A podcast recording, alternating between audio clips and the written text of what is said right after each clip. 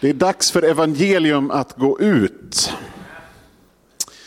Det är dags för evangelium att gå ut. Jag är övertygad om att det är inte en slump att vi har känt det som vi har känt eller uppfattat det vi har uppfattat. Att det är dags för församlingen att ta sig an en av evangelierna som tema för våra gudstjänster. Eh, därför att vi lever i en tid där evangeliet har varit på tillbakagång. Vi lever i en tid där fler människor i vårt land eller i vår kultursfär saknar kunskap om evangeliet än, de, än hur många människor som har kunskap. Det finns fler som saknar kunskap, som inte har hört evangeliet, än vad det finns människor som känner till evangeliet. Så vi lever i en tid som börjar likna den tid då just Lukas skrev till sina eh, åhörare. De människor som var ursprungligen mottagare av Lukas evangeliet när det skrevs, levde i en kontext som inte alls skiljer sig så fruktansvärt mycket från vår, om man lyfter blicken utanför kyrkans väggar och ser ut över samhället i stort. Där fanns en stor smältdegel av människor från många olika länder, nationer, språk och kulturer, bakgrunder och religiösa praxis som hade samlats tillsammans i Rom, där Lukas förmodligen skrev sitt evangelium. Det är det mest sannolika att det skrevs i Rom i samband med Paulus resa dit när han blev fängslad.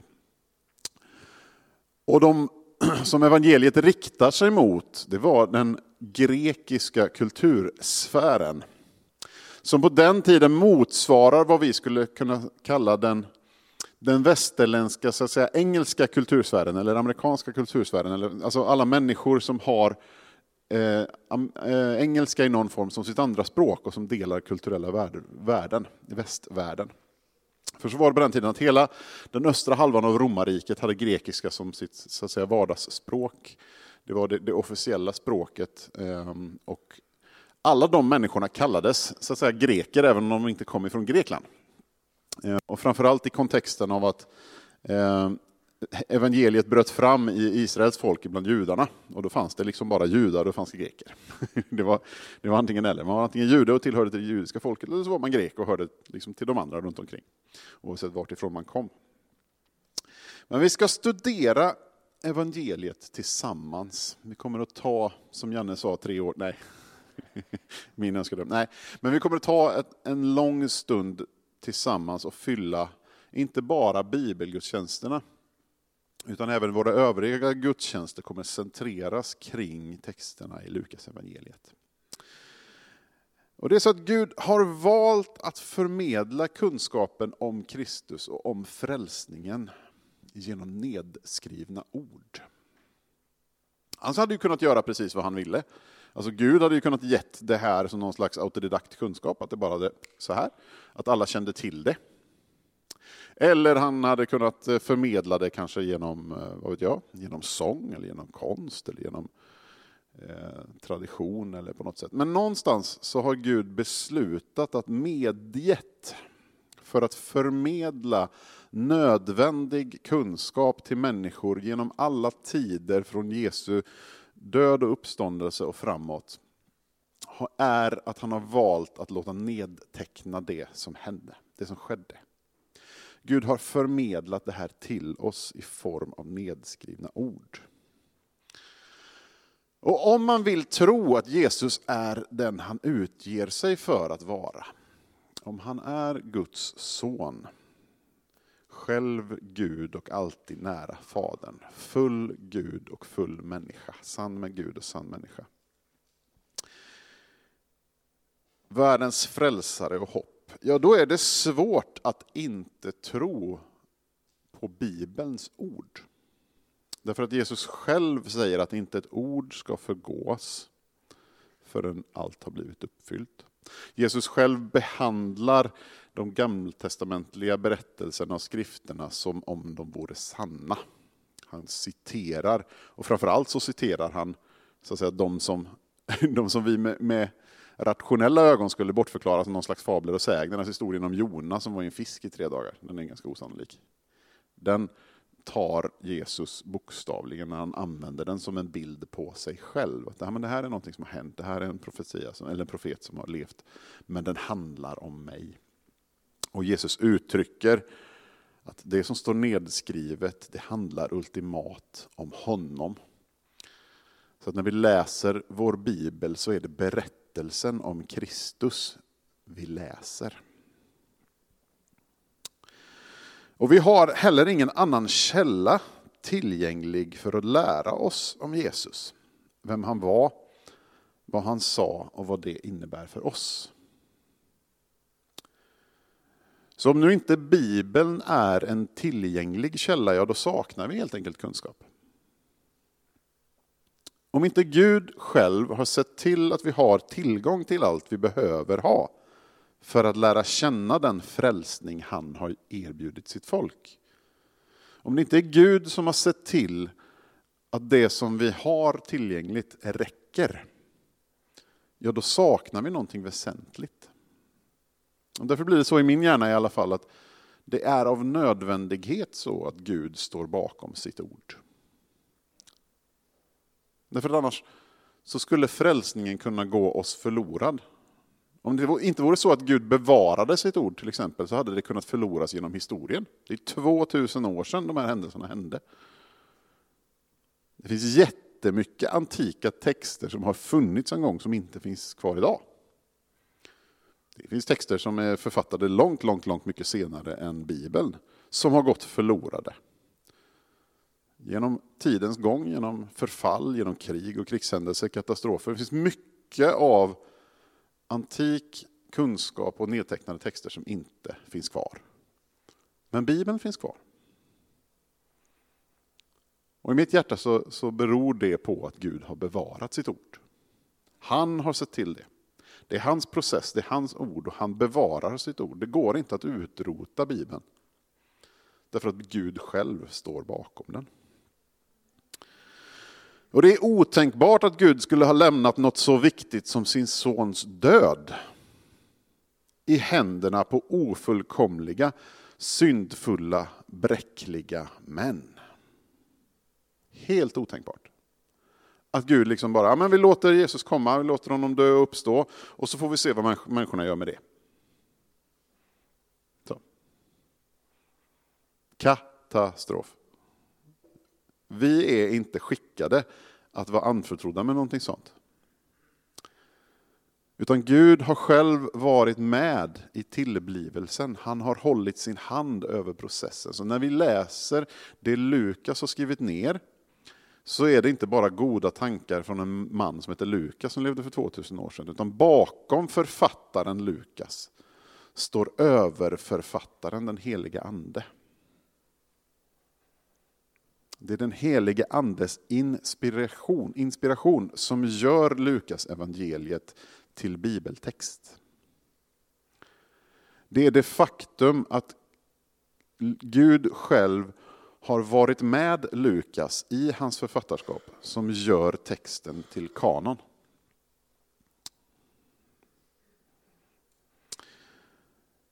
Personligen så, så håller jag mig till Eh, det som kallas för verbal direktinspiration. Jag tror att det är så, av nödvändighet också, att Gud har så att säga, sett till att det som är nedskrivet är korrekt nedskrivet.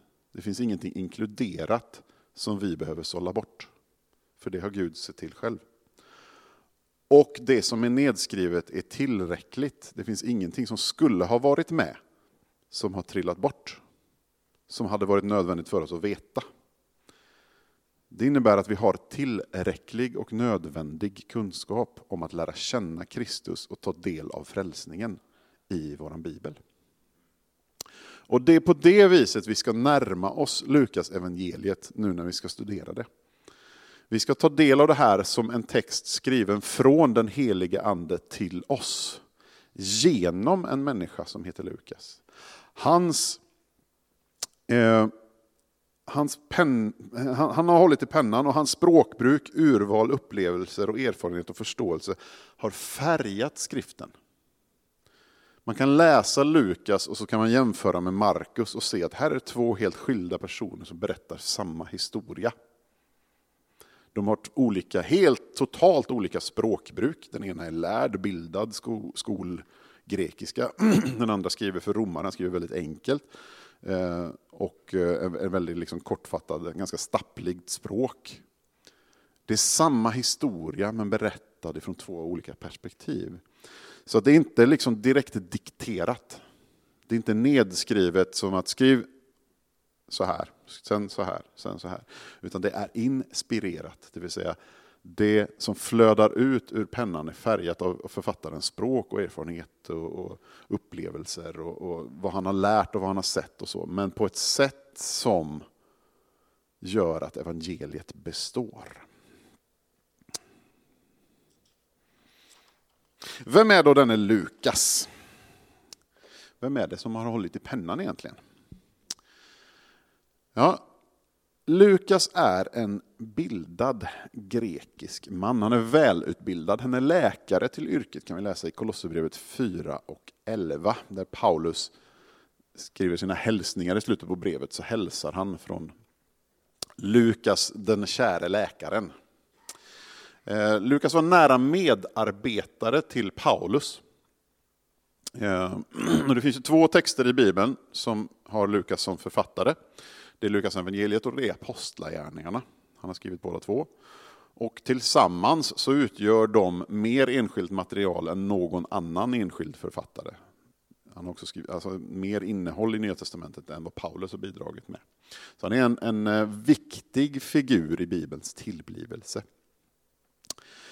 Och emellan år 50 till år 62 efter Kristus, om man följer liksom tidslinjen vad som händer i apostlagärningarna, så ser man att Lukas färdades tillsammans med Paulus.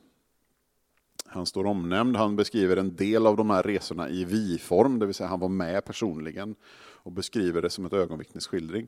Och han var även med när Paulus blev fängslad i Jerusalem och satt i fängelse i Caesarea början på den sista resan som beskrivs i Apostlagärningarna. När Paulus eh, blir fängslad, anklagad för, för uppvigling.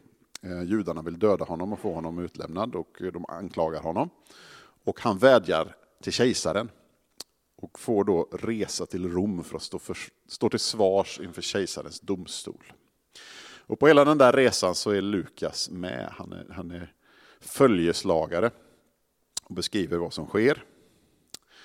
Eh, Lukas är en smeknamnsform av namnet Lucius. Ungefär som att vi kan säga Sigge om någon som heter Sigurd eller Valle om någon som heter Valdemar. Så hade grekerna såna här smeknamnsformer. De hade ganska, ofta ganska grandiosa, pompösa namn. Så Lucius är ganska litet i, i sammanhanget. Eh, det fanns de som hade liksom värre munfull med namn. Man skulle inte använda kortformen. Eh, men troligtvis, eller möjligtvis, så är det Lucius från Cyrene, eller Kyrene, som omnämns i Apostlagärningarna 13 och 1. Och om det är så att det är samma person, vilket man kan hålla för sannolikt, så var han alltså en av ledarna, en av de äldste i den första hedna församlingen som bildades. Alltså det första stället där evangeliet tog steget ut från judarnas folk ut till hedningarna. Eh, det skedde ju i Antiochia. Och församlingen som grundades där var alltså den, den första urkristna icke-judiska församlingen. Och där var Lucius en av de äldste, en av ledarna. Och förmodligen så var det redan där som han så att säga, började sin, sin eh, bana som troende. Och då är vi inte jättemånga år efter Jesu död och uppståndelse. Det innebär att han har varit med från början. Han har själv erfarit mycket av det som har hänt under församlingens framväxt. Och han har också personligen träffat och talat med apostlarna som var med och vandrade ihop med Jesus. Ehm, han har träffat eh, Jakob, Jesu bror. Han har talat med Petrus och de andra äldste. Han har liksom varit med mitt i smeten och bedrivit missionsarbete ut ur församlingen i Antiochia. När man läser eh, lite kommentarer om Lukas evangeliet så brukar de flesta nämna att hans språk är väldigt välvårdat. Alltså han skriver på en bildad, vad vi skulle kunna kalla en litterär ton idag. Han skriver som, som en liksom väl utbildad författare. Det är inte så folkligt utan det är, det är mycket, Ehm, det är ett vackert språk.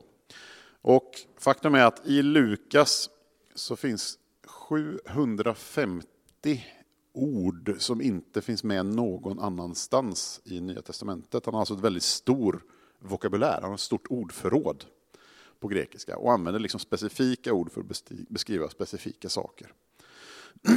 Samtidigt så är det så att i perioder i, i, i Lukas evangeliet så övergår det här så att säga, lärda, fina språket till att bli ganska stappligt och ganska folkligt. Och han låter nästan judisk när han skriver. Eh, och det beror på att han, han hade två källor eh, till sitt förfogande när han skrev ner evangeliet. Vi ska komma till det alldeles strax. Men Lukas evangeliet skrevs någon gång omkring år, mellan år 58 och år 62, tror man. Eh, och vad är det då för skrift? Vad var liksom ursprunget till det här? Varför skrevs det ner och hur ska man förstå det? Hur ska man tänka när man läser Lukas evangeliet? Vad är det för text vi har framför oss? För att, för att förstå vad som, vad som står så behöver man liksom relatera till, okej okay, vänta nu, vad var det de ursprungliga läsarna här hade för text framför sig? Är det liksom en historietext? Var det tänkt i en historiebok? Eller är det en, Eh, är det en utbildande text, en lärobok? Eh, är det ett traktat? Är det poesi? Eh, är det en fabel? Vad är det för typ av text? Hur ska jag förhålla mig till texten? Och Lukas evangeliet har egentligen två inriktningar. Dels så är det en försvarsskrift för Paulus. Och dels så är det en missionsskrift. Vi kan ta upp texten Eh, Lukas 1 och 1. Där skriver han att många har sökt att sammanställa en skildring av de händelser som har inträffat ibland oss. Så som det har berättats för oss av dem som redan från början var ögonvittnen och ordets tjänare. Sedan jag noga efterforskat allt från början har även jag bestämt mig för att skriva ner det i ordning för dig, högt ärade Teofilos. För att du ska veta hur tillförlitlig den undervisning är som du har fått. Den här dedikationen som han gör i början, de första fyra verserna, eh, det var ett vanligt sätt som man inledde skrifter när man var författare som var typ sponsrad av någon rik välgörare. Så det här är inte en, en liksom unik grej för Lukas evangeliet att man skriver så här, utan det var vanligt förekommande att man tillägnade sin skrift till någon hög eh, patron som hade liksom skänkt pengar eller försörjt författaren. Och så blev det här en dedikation i form av en personlig hälsning som man gav ut. Så det finns fler, fler exempel på det här i, i klassisk grekisk litteratur. Eh, vi vet inte så mycket om den här Teofilos. Det är förmodligen ett, ett, eh, ett täcknamn. Det betyder Guds vän. Vän av Gud. Eh, man tror att Teofilos var någon ganska inflytelserik person i Rom som hade möjlighet att påverka Paulus eh, rättegång. Kanske var så att han, var, att han fanns i rättsväsendet eller att han hade liksom politiskt inflytande som på något sätt kunde intyga eller gå i god för att Paulus inte var en politisk upprorsmakare, vilket var vad han stod åtalad för att vara. Eh, och att Teofilos var välvilligt inställd till kristendomen kanske inte frälst, men ändå liksom nyfiken på vad är det här för någonting? Det finns någonting i det här berättelsen om den här Kristus. Vad är det jag vill veta? Eh, och På ett sätt så, så, så mm, är det här också ganska nära vår egen situation. Det finns ganska många runt omkring oss som är som Teofilos. Som är liksom, ja, men öppen och välvilligt inställd men saknar kunskap saknar lite förkunskap om vad, vad, här, vad innebär det här egentligen. Det, det här var intressant. kan du berätta mer? Och på det viset så är Lukas evangeliet en väldigt bra startpunkt för den som vill komma närmare Gud, lära känna evangelieberättelserna, lära känna Jesus och vem han är och vad han har lärt oss. Lukas evangeliet förklarar grundligt konflikten mellan judar och kristna och den kristna rörelsens ursprung och mål. Han talar mycket om Guds rike och målar upp bilden tydligt av att Guds riket är inte en nation här och nu. Det finns inget land där Gud ska härska. Han gör väldigt tydligt det här. Det som så att säga de judiska ledarskapet fick det judiska ledarskapet att vända sig mot Jesus, att han vägrade att bli vald till kung. De hade ju sett sin Messias som liksom en, någon slags Che Guevara-gestalt som skulle ta vapen i hand och liksom göra uppror mot statsmakten och upprätta Jerusalem och, och judanation som en världsmakt. Och Jesus sa till dem att ni har, helt, ni har helt missförstått. Jag har inte kommit för att ta till vapen. Jag har inte kommit för att upprätta ett jordiskt rike. Mitt rike är, av, är inte av denna världen.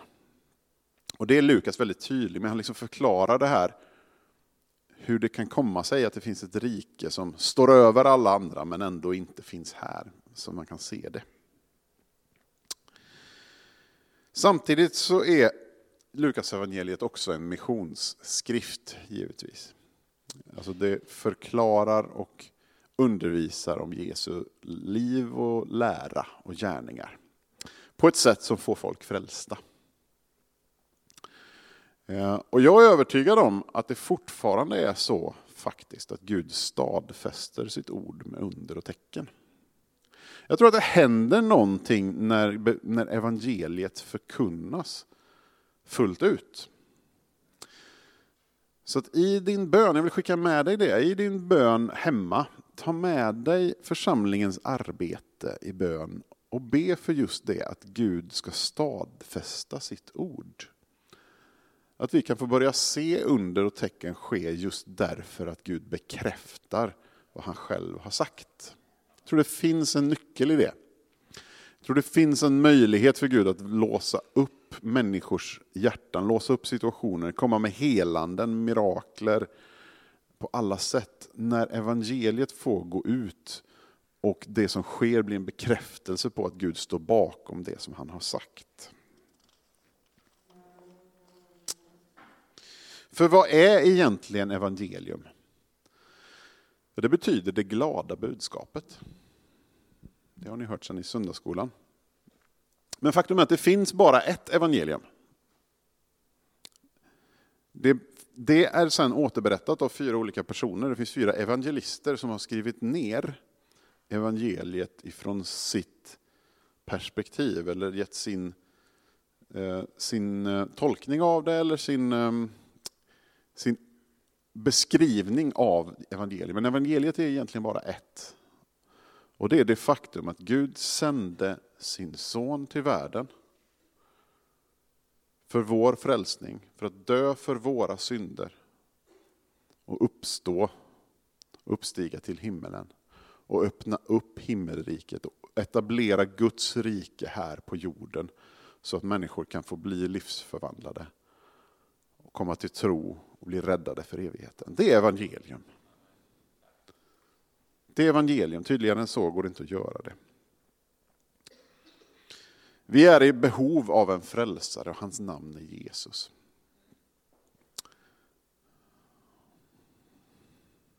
Och det glada budskapet är att han kom hit och vad han gjorde här. Och Lukas evangeliet talar väl till oss västerlänningar. Ehm, det finns en stor och rik skatt här och det är ett fantastiskt dokument. I Lukas så finns mycket bevarat av det som man på grekiska kallade för paradosis.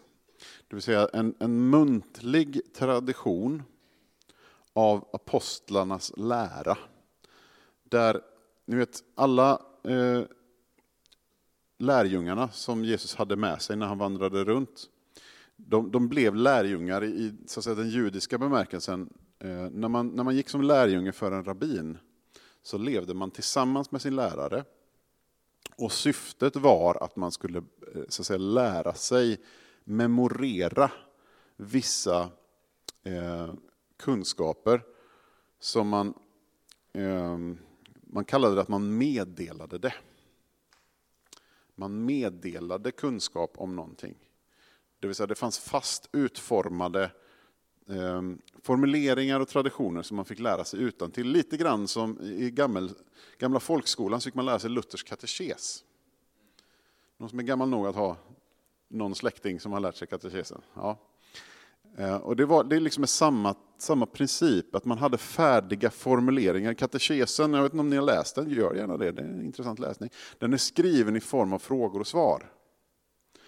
Det ställs en fråga och så finns det ett rätt svar som är färdigformulerat som man lärde sig utan till. Och lite så gick den judiska rabbinska traditionen och, och undervisningen till också.